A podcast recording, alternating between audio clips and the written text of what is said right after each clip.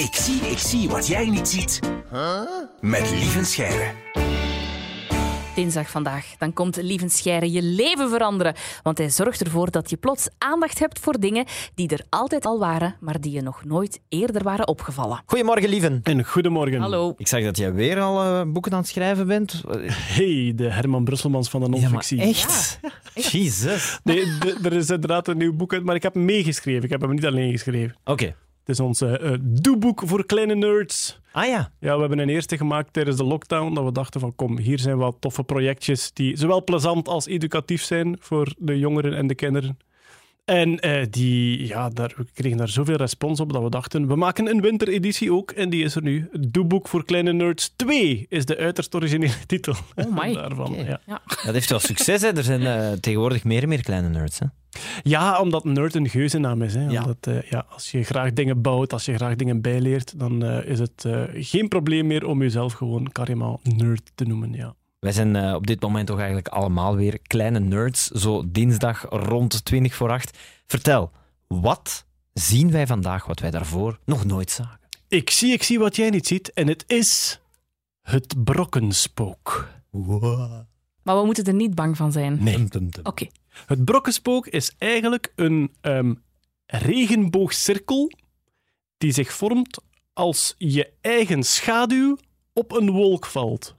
Oh, wacht, wacht, wacht, wacht. wacht. Wanneer valt mijn eigen schaduw op een wolk? Dat is de belangrijkste vraag. Ja, Als het gaat over het brokkenspook. Wanneer valt uw eigen schaduw op een wolk? ik heb geen idee. eigenlijk twee omstandigheden. En dat is als je wandelt in de bergen en je bent boven de wolken. Ja?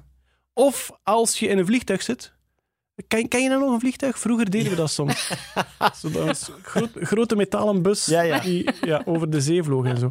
Ehm, als je in een vliegtuig zit en je breekt net door de wolken, dan valt je eigen schaduw, eigenlijk de schaduw van het vliegtuig, valt dan op de wolken. En dan gebeurt er wel iets wonderlijk.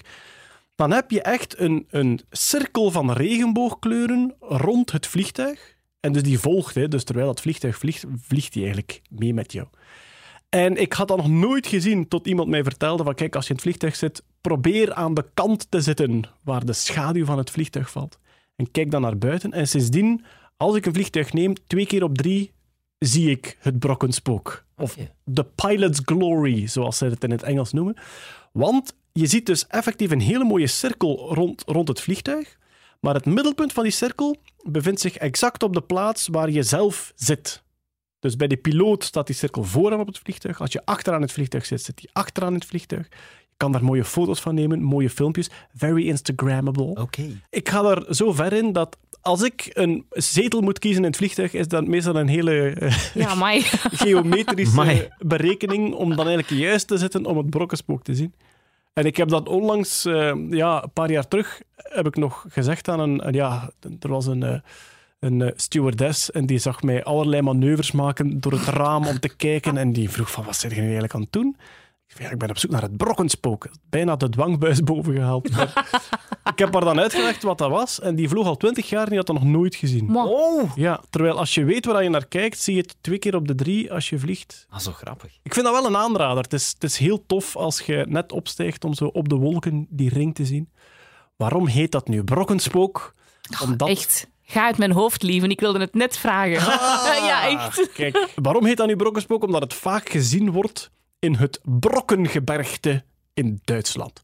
Oei, ik Dat ken is dat ook niet. Het Brokkengebergte is een gebergte waar dat vaak mistbanken in de vallei hangen.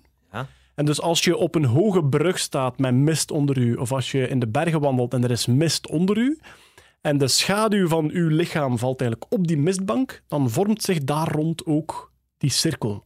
Alleen vroeger wisten mensen totaal niet wat dat was. En dan leek het alsof er aan de andere kant van de vallei een gigantisch schaduwvormig spook meewandelde met een soort halo van regenboogkleuren er rond.